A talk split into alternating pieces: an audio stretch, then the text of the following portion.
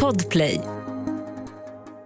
Live från Studio 1, du lyssnar på The Daily Messiah, ditt nyhetsflöde med mig, Messiah Hallberg. John Melander Lambrell. Just det, och ingen, eh, ingen Klara Doktor så vitt jag kan se. Nej, Eh, om hon inte har gömt sig. Nej, det har hon eh, inte. Hon är, också, svårt. ja, hon är också jättegravid, Ja, så det är svårt för henne att inte hon har det. gö- gömma sig. Eh, Och det var någon gång hon försökte gömma sig här på, på kontoret, att hon bara lagt sig ner på golvet med en filt över. Men det var ju väldigt uppenbart att det var hon. Ja, det var ju någon som eh, trodde att det var en sån här stor uh, sittsoffa som Ja. eh, ja, nästan satte sig på henne. Ja, gud, och där, då fick vi gå in och avbryta. Jag kommer ihåg att jag sa nej, stopp, stopp, eh, inte det där är Klara med en filt på. Gud vad kul vi hade det. Ja, fall, det jag har utvecklat John och det här är jag väldigt stolt över, det är alltså en Klara Doktor-robot.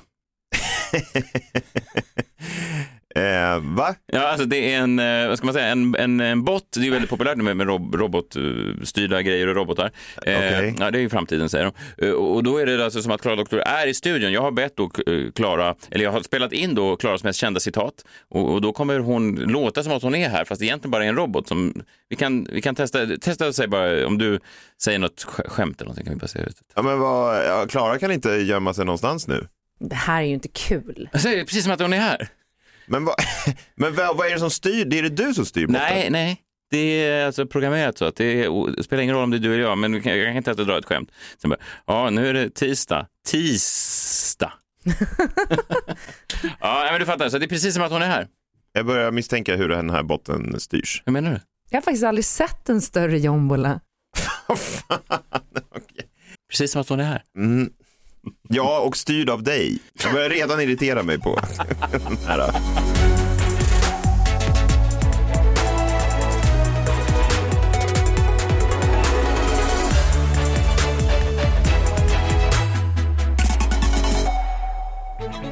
Välkomna hit. Eh, det är tisdag den 22 februari. Första gången då som, som det bara är vi två i studion. Jag tänkte liksom att det skulle vara ett större frånfall oftare.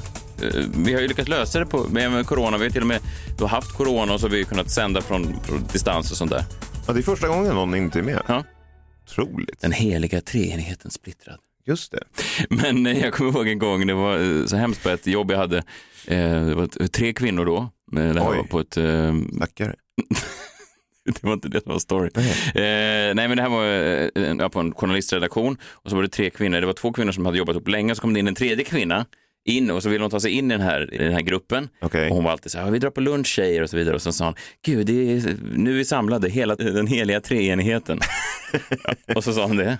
Och, man kunde se hur chefen då störde sig mer och mer på den här kvinnan. Åh nej. Och sen, det är så här, du vet, det är så här säsongsbetonade anställningar. Jaha. Så att sen då i slutet när det då blev maj eller juni och eh, säsongen började ta slut så eh, kallades hon då in på kontoret och så sa de tyvärr kan vi inte förnya ditt kontrakt. Åh nej. Och så fick jag möta hennes blick då, hon kom ut tårögd. Var, var- varför var du alltid i rummet också? Nej, jag var på redaktionen. Jaha. Ja, så jag fick ju höra hela det här och se hur uppspelt hon var över den heliga treenigheten. Hon stod ju på stora trumman också, ska man säga. Det är ju, det är ju magstarkt att kalla sig tillsammans med två människor man precis har träffat. En treenighet. den heliga treenigheten. Usch vad hemskt. Ja, Hon, så- hon tänkte om hon säger det tillräckligt många gånger så blir det sant. Ja, och det slutade då att hon stod tårögd och städade ur sitt skrivbord när jag satt. Så det, det finns fortfarande chans för den heliga treenigheten att återförenas. Bara inte här. Och inte med de här två andra som hatade. Men Messiah, Gud vad kul det är med den här botten. Hoppas Klara mår bra om du lyssnar. Det tror jag inte hon gör. Hon lyssnar ibland knappt när hon är i studion. Men, men eh, jag vet inte. Jag tänkte följa upp de här clownerna som vi pratade om igår. Du vet eh, de här som var med i Talang. Eh, Jag berättade om det i fredagens avsnitt av Talang. Så rullade de först in då en sjukhussäng med dropp. Eh, och sen så visade de en storbildsskärm. Där var det då en liten flicka, en stackars flicka som hade haft cancer. Hon var bara några år gammal. Och så sa hon då det här är mina vänner. Jag var svårt sjuk och jag hade några vänner då som kunde stötta mig under den här tiden. Och sen ur den här sängen så hoppar det upp sådana här otroligt glada clowner som var sminkade. Det, du har sett clowner? Ja, absolut. Du sa att de var talanglösa clowner. Nej, det tror jag inte. Jag sa att de...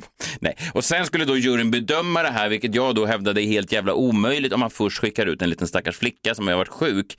Det blir, man kan ju säga att det är en dopning till själva talangjaktsnumret. Ja, jo men det var det ju verkligen. Ja, eh, och då fick jag ett intressant eh, mejl här från en lyssnare som sa att, eh, som då har luskat reda på här att de här clownerna blev alltså direkt kontaktade av TV4s Talang. Alltså det, är inte, det har inte kommit från Har de inte ansökt? Nej, de har inte ansökt. Flickan har inte hört av sig. Okej, du menar att det här är vatten på din kvarn, att det är cyniska TV4 som har liksom orkestrerat allt det här? Vad annars ska man säga än när någon jävel på TV4 sitter och ringer och säger så här, kan vi, du vet, ringer runt till sjukhusclowner och antagligen frågar clownerna då, kan det vara så att ni har hjälpt någon liten flicka? Och så måste de då ringa till föräldrarna. Fan. Det är bara det jobbet att behöva ringa runt till föräldrarna. Så bara så här, är, det, är det vår dotter som ska uppmärksammas? Nej, det är clownerna som ni träffade en dag. Ja, ja, ja, men det, återigen, jag ska vara tydlig med det här. Det är verkligen ingen diss mot, mot uh, flickan såklart. Hon var fantastisk. Nej, och det är en diss mot gör... clownerna. Vad sa du? Det är en diss mot clownerna. Det är det väl inte? Det är en diss mot TV4s Ja, cynism. ja, det är sant. Clownen har ju bara gjort sitt jobb. De gör ju ett fantastiskt jobb. Jag tänker att de knappt får betalt för det där. Och Fast du sa ju också att de var talanglösa. Det sa jag väl inte. Jag sa, att de, de, jag, jag sa att jag inte uppskattar just den typen av Du sa att du hade tryckt på det här krysset. Sorry. Det är det du- man ska utvärdera, talang. Jag sa inte att jag skulle trycka på, på krysset. Jo, du stod och ritade upp ett kryss här som du ville trycka på, demonstrativt. Hörni, Mm, exakt. Va? Mm, du. Vi pratade också igår om eh, hur viktigt det är nu att det finns två sidor av alla mynt. Det finns ju två sidor av alla mynt. Oavsett vad vetenskapen säger så finns det ju alltid en annan sida av myntet, alltså min egen uppfattning. Ja, just det. Ja, det finns ju då, ja visst, alla säger så här, böckerna säger så här, men här har jag en egen åsikt. Det är den andra sidan av myntet. Det är allt viktigare då i, i ett folkstyre att, att liksom alla verkligen får eh, komma till tal. Så det kommer väl sluta med att vi låter hundar gå och rösta också, för att lilla Fido har väl också någonting att tycka till om. Agenda i söndags var ju intressant. Då var ju då Liberalernas Fredrik Malm där och pratade om betygens vikt för skolundervisningen. Betyg är viktigt, ska sägas. Det är viktigt för att fånga upp de elever som behöver mer hjälp. Det är viktigt för att premiera, eller vad man ska säga, inte premiera, men sporra elever att eh, engagera sig mer, att vara mer ambitiösa, att läsa sina läxor och så. Då är betygen viktiga för dem Men också. det där sa ju forskaren att, att det inte riktigt var så. Varken att det hjälper de svaga eller sporrar de starka jättemycket. Jo, men det är så. Jag är helt övertygad om det. Jag har två barn själv och jag vet att med betyg, i alla fall för den äldsta av dem som har betyg, så är han väldigt också engagerad i att läsa sina läxor och så. Han har två barn själv. Åh, som är jätteduktiga. Ja, bara som har två barn. Ja. Så att ja. du kan och stoppa upp din forskningsrapport i röven. Det är också något djupt obehagligt med vuxna män som är intresserade av skolpolitik. Jag vet inte vad det där är riktigt. Nej, men det är bara så här, skolpolitik brinner jag för. Så, att så här ska alla barn få leva i skolan. Det, det, det är något obehagligt med det. Jag gillar det inte. Nej. Nej, men det finns ju två sidor av det myntet också. Det finns ju de som tycker att det inte är obehagligt. Uppenbarligen Fredrik Malm. Jag gillar inte den andra sidan av myntet. Det är roligt med Fredrik Malm för att han är ju, ehm, han framhålls ju ofta då, ofta säger folk sådär, ja, franska politiker är så belästa, de är så mycket mer kultiverade än svenska politiker. Det finns liksom ingen i Sverige som ens har läst en bok. Göran Persson har väl möjligtvis kanske satt sig på en bok någon gång. Eh, och, så, och Stefan Löfven har väl använt det för att här, hålla upp dörrar och sånt där, som dörrstopp. Men, men de, är, de är inte så här, i franska politiker då, de kan ju ofta så här, citera Voltaire eller någonting innan de pratar skolpolitik. Men då har ofta Fredrik Malm framhållits som den mest belästa svenska politikern och, och sådär. Men uppenbarligen så är, kanske han inte har läst jättemycket. Ja, forskningsrapporter kanske inte är hans styrka. Då. Nej, kanske inte. Han kanske gillar... Eh... Skönlitterärt.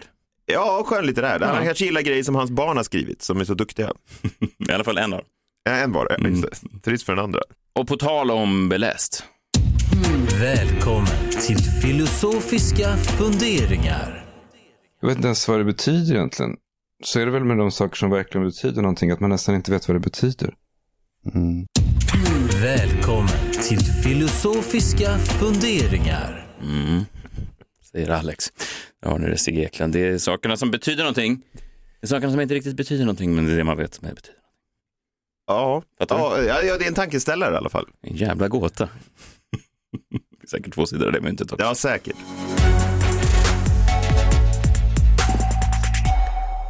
Okej, är du redo John? Eh, ja, jag vet inte riktigt för vad, men jag är redo. Är du redo Klara? jag har faktiskt aldrig sett en större jombola. Men vad, jag förstår inte den här botten. Nu är det dags för Jombolan.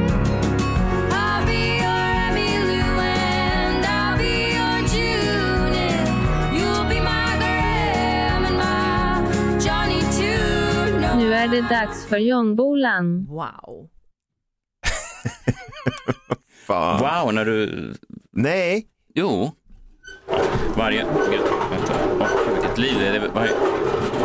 Just det, varje dag så drar du då i din tombola som du döpt om till din jombola eh, och så tar du en lapp och så står det någonting och då måste du, det är inga undantag Jan, utan då måste du då eh, säga någonting på det ämnet. Vad står det på Det, la- det lappen? kan också bli vad som helst. Ja, ja, det är det som är roligt. Det är därför det är så himla eh, kul segment där. Vad, vad står det på lappen? Ja, nu står det ju Mellovinnaren 2023 eh, på lappen. Och vi har ju sagt att vi ska inte prata Mello kanske så mycket förutom på fredagar då och måndagar och eventuellt någonting mittemellan där. Mm. Men, ehm, ja, men det här handlar ju om Melodifestivalen 2023 då. Nästa så det år, kanske ja. vi kan göra ett undantag. Ja, det liksom. tycker jag vi kan göra. Och sen reglerna är som reglerna är. Står det på lappen så, så måste du prata om det. Ja, men då tänkte jag komma med en liten prediction här inför Mm. nästa års eh, Melodifestival. Och det är att Sarek kommer vinna den.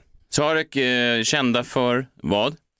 Ja, men de är väl framförallt kända för låten Genom eld och vatten. Så om, om man rör sig i något form av uteliv någonstans i landet så eh, kan man inte missa den låten. Ah, det där är väl en sanning med modifikation. Men jag Eller? tror att det, det måste ju vara en av de mest spelade låtarna ute genom eld och vatten med Sarek. Och de var ju också med nu senast i helgen i mellanakten.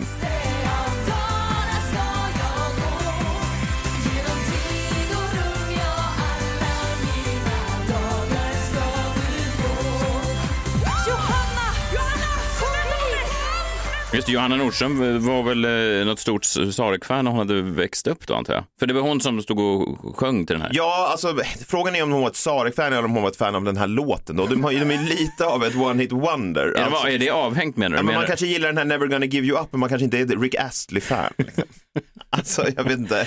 Du ska ge fan i att snacka skit om Rick Astley. On my watch. Det har ju ingen sagt någonsin. Nej, det... Eh, men eh, så att jag tror att hon gillar den här låten då. Men det var ju kul att de var med i mellanakten och sen in- de gjorde ju succé då. Och blev intervjuade efter av Expressen. Och då tänkte jag när jag ser den här intervjun att det var ganska intressant för att de sa att vi skickar in låtar till Mellon. Lite då och då, nya låtar då. Så, Sarek skickar alltså aktivt, det är ett aktivt band. Man kunde ju tänka sig att de var inte döda, men deras karriärer var döda. Ja, det kunde man ju tänka då, men jag, jag tror att den har livats upp nu eftersom de var med i mellanakten. Folk kommer ihåg att det finns faktiskt ett band bakom den här låten man hör så ofta. Och därför tror jag att de kommer vinna Mellon eh, 2023. Eh, men det, det, det tar ett tag under den här intervjun för mig att komma till den slutsatsen. Så för först tänker jag att så här, de kanske är, till, de är lite för bra för Mello kanske. Alltså de har ju skickat in låtar men ändå inte kommit med. För bra. För bra, kan det vara så? För de börjar spekulera i varför deras låtar inte har kommit med, trots att de har skickat in flera stycken. Och vi minns ju förra gången det spekulerades i Mellon. Varför tror du att du inte gick vidare? Men många spekulerar och försöker liksom hitta eh, svaren till det här. Ja, Omar spekulerade ju. Många, många spekulerade. Ja, många spekulerade. Ja. Och nu är det Sarek som spekulerar i den här intervjun. Vi kan väl lyssna. Det finns ju några som man tänker så här, de här får självklart en plats i Melodifestivalen. Varför tror ni att ni inte ni har fått det nu då? Eh, jag vet inte, vi har spekulerat lite. Kanske att vi liksom inte heller heter Sarek längre. Vi är ju inte hela bandet, vi är Sara och Jessica. Så är det nu. Alltså utan killarna i Sarek är det fan inte samma sak. Nej, verkligen. Det är ju som att uh, ABBA bara skulle bli AA. Ja, kanske. Jag vet inte om jag någonsin har tänkt på killarna i Sarek. Jag visste inte ens att det fanns killar i Sarek. Jag har bara hört Vad gjorde killarna i Sarek? Ja, det är oklart, men jag tror att de spelade fiol och lyra. Ja, det är svårt att hitta två nya killar som, som såklart lever och är intresserade av lyra. Ja, vad har hänt med killarna i Sarek? Man blir nästan lite, lite nyfiken, men då tänker jag, jaha, fan, kanske är de för bra eh, för Mello, precis som Omar då, att de börjar hitta, de spekulerar i anledningarna. Det kan inte bara vara att låtarna de skickat in inte var tillräckligt bra, men sen när intervjun fortlöper så inser jag att de är helt perfekta för Mellon och det är av fyra anledningar. Anledning nummer ett, att de är perfekta för Mellon och att de kommer vinna nästa år. Att trots att de inte längre heter Sarek och är hela bandet så har en av tjejerna hotat upp sitt annars ganska tråkiga namn, Sara. Vi är ju inte hela bandet, vi är Sara och Jessica. Med Z. Exakt. Glöm inte det. Vilken fest. Ja men förstår du, hon, har liksom, hon heter Sara då, ett ganska trist namn, men har då artistifierat sitt namn genom att stava det med Z. Ja, precis. Man direkt fattar att det här är antagligen en artist eller en frisör i en småstad. ja, eller både och, som i det här fallet. Ofta är det nog sammanfallare. Det är den första anledningen till att de vinner. Andra anledningen, journalisterna älskar dem. Vi hör här Expressens reporter Elinor Svensson beskriva Sarek. Ja, men Sarek har ju betytt mycket eh, för många i Sverige, men framförallt för er två kanske. Vad, vad har det betytt Sarek, liksom, hela den, jag vill inte bara säga gruppen, utan liksom, det känns som en stor liksom, era nästan. Nej, men vad, vad har det betytt för er? Ja, det är den stora eran. Det är Djura, Krita och Sarek i den ordningen.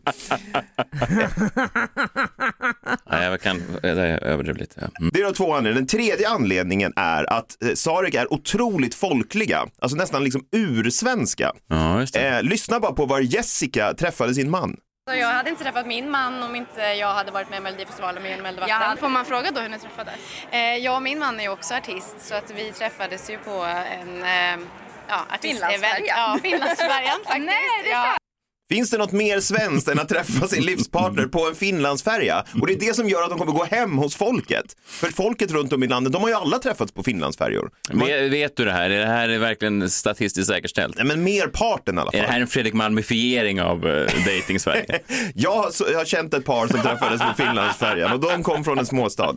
Det var den tredje anledningen. Sen har vi den fjärde anledningen till att de vinner Mello nästa år och det är att de verkligen lever sin Sarek-gimmick. Lyssna bara på hur Sara med Z träffade sin man. Eh, Jag träffade min man eh, genom eh, han praoade som fiolspelare i Sarek. Vad fan är det som pågår? Sara träffade alltså sin man när han provspelade som fiolspelare i Sarek då. Och inget är väl mer Sarek än att bli ihop med den praoande fiolspelaren. Nej. Så där har ni det. Vinnaren av Mellon 2023 är Sarek. Eller ja, Jessica och Sara då.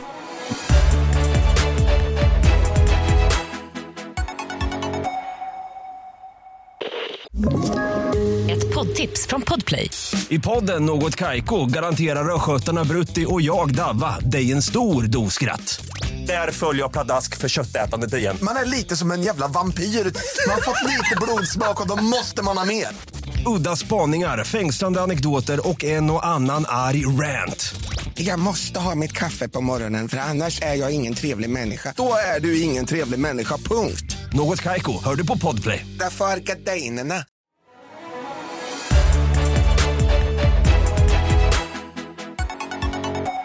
Men du, om Sarek eh, gjorde sån bejublad comeback och kanske satsar då inför nästa år, eh, innebär det att det finns en chans även för andra generationen? Kommer du ihåg dem? Eh, var det de som gjorde kebab-pizza-låten?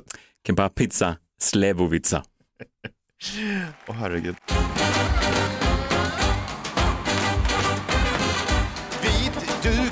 Porslin Vem vill ha musik med fiolin? Dyrt vin, Vad tror du? fin likör Små trianglar med kryddat smör Är de också en del av svenska folksjälen? Ja, det, de är väl en del, ja, det är de väl kanske. Ja. Jag vet inte, men de har ingen genom eld och vatten. Den Nej, här det- spelas ju inte på krogar runt om i landet. Eller?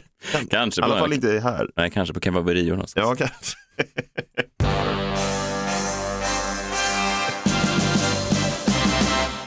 Messiahs minut. Nu då John, ett ämne som du brinner för i, idag drar den ju då igång årets stora bokrea. Wow.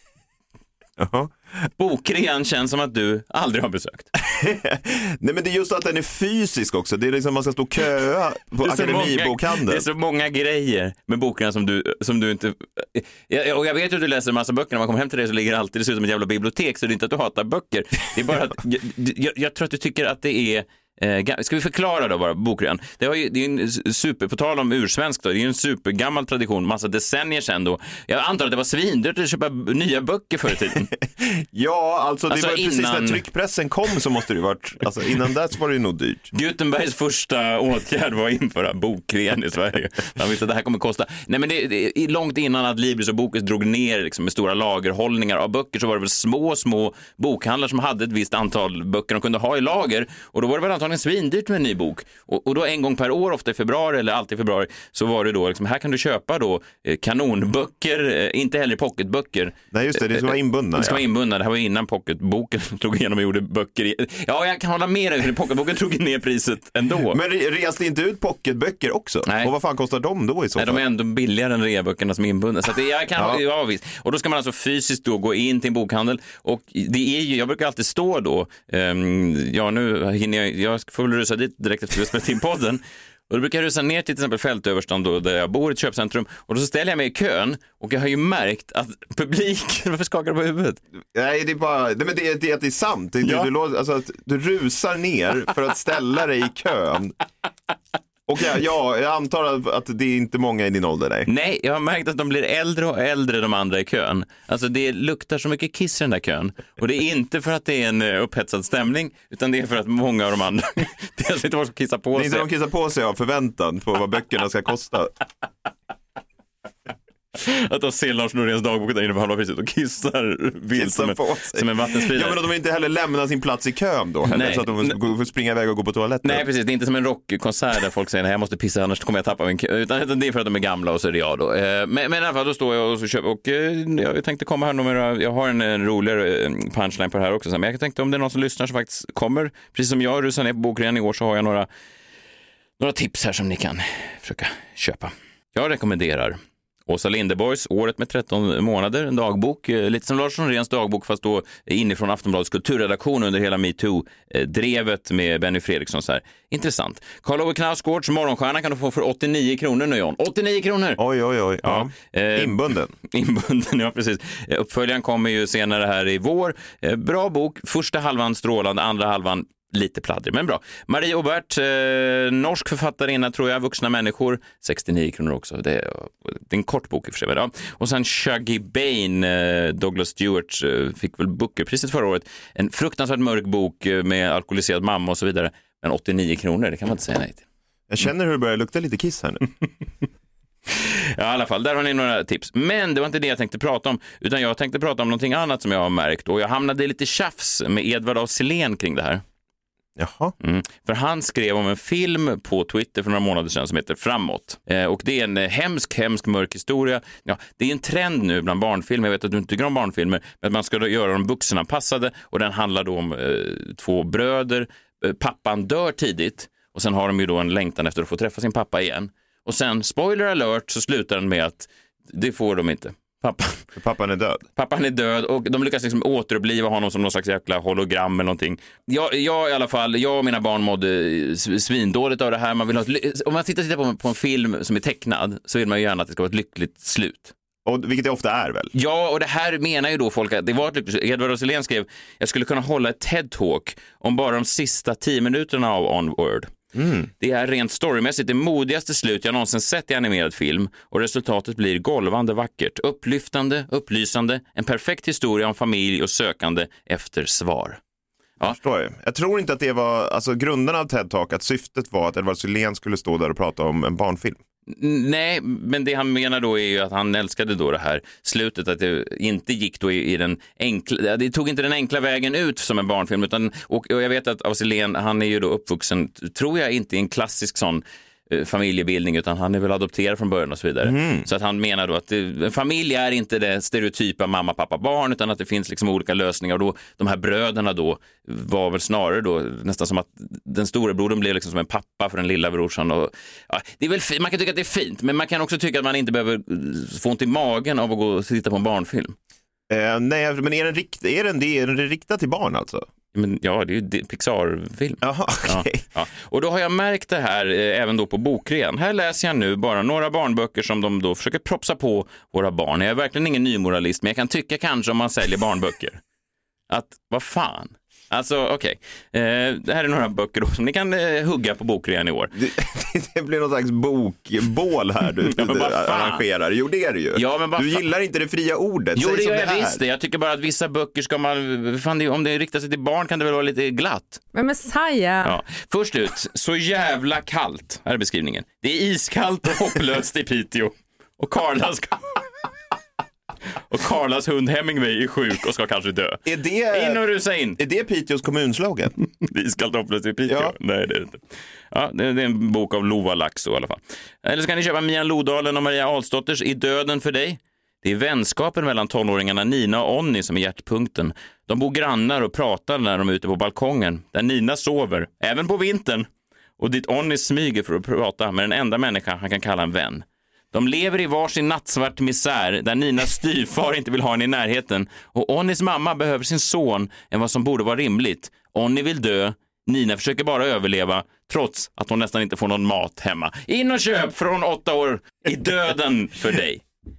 Ja, det, det börjar nästan låta som svenska böcker börjar bli som svenska filmer, att det är bara total diskbänksmisär. Ja, eh, eller så kan ni köpa Oskar Krons Vänta på vind. Vinge är på ön hos morfar över sommaren och har lämnat sorg och besvikelse kvar i stan där mamma mest bara gråter och pappa nu väntar barn med en annan kvinna. In och köp!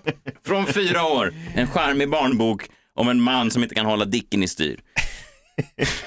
Och det är det här som Edvard af tycker är kanon, va? Och det är det här jag vänder mig emot. Eller Sara Stridsberg och Sara Lundbergs bok Dyksommar. Ämnet är tungt. Det handlar om hur det är att ha en förälder som inte vill leva längre. Boken börjar mörkt och det fortsätter med återkommande besök på mentalsjukhuset där pappa tillbringar all sin vakna tid. Vad är det som pågår?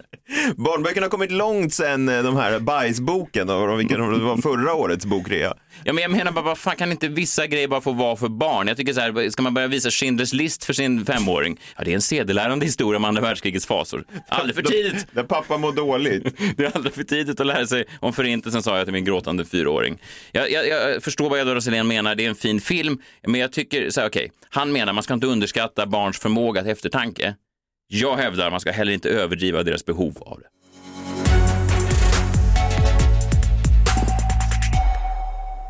Ja, men då knyter vi ihop säcken för idag. Eh, Det var en tisdag. Det var, vad tyckte du om Klara botten? Jag tycker att eh, hon, det, var, mm, det var inte riktigt så som Klara brukar reagera. Jag såg ett eh, alldeles för högt flöde av eh, skratt åt ditt håll.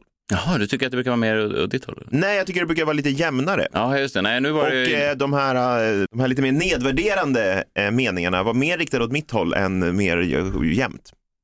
Ja, jag vet. Det är inte jag som styr det här, utan det är ju... Jag känner han förresten. Ja, så att där har du. Vem? Nu har vi inga, jag kan inte styra här, jag kan inte styra över okej. Vi hörs imorgon, vi får se om Klara Doktorov är med oss då. Eh, Jan och jag, vi är här i alla fall så länge vi lever. In och köp en bok som får er att vilja ta livet av er nu på bokrean så hörs vi imorgon. Försök inte kissa på er. Hej, hej! Hej!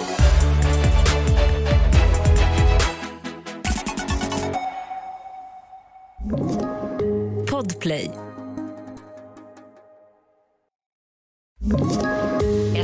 Ett poddtips från Podplay. I fallen jag aldrig glömmer djupdyker Hasse Aro i arbetet bakom några av Sveriges mest uppseendeväckande brottsutredningar. Går vi in med hemlig telefonavlyssning och, och då upplever vi att vi får en total förändring av hans beteende. Vad är det som händer nu? Vem är det som läcker? Och så säger han att jag är kriminell, jag har varit kriminell i hela mitt liv men att mörda ett barn, där går min gräns. Nya säsongen av Fallen jag aldrig glömmer på Podplay.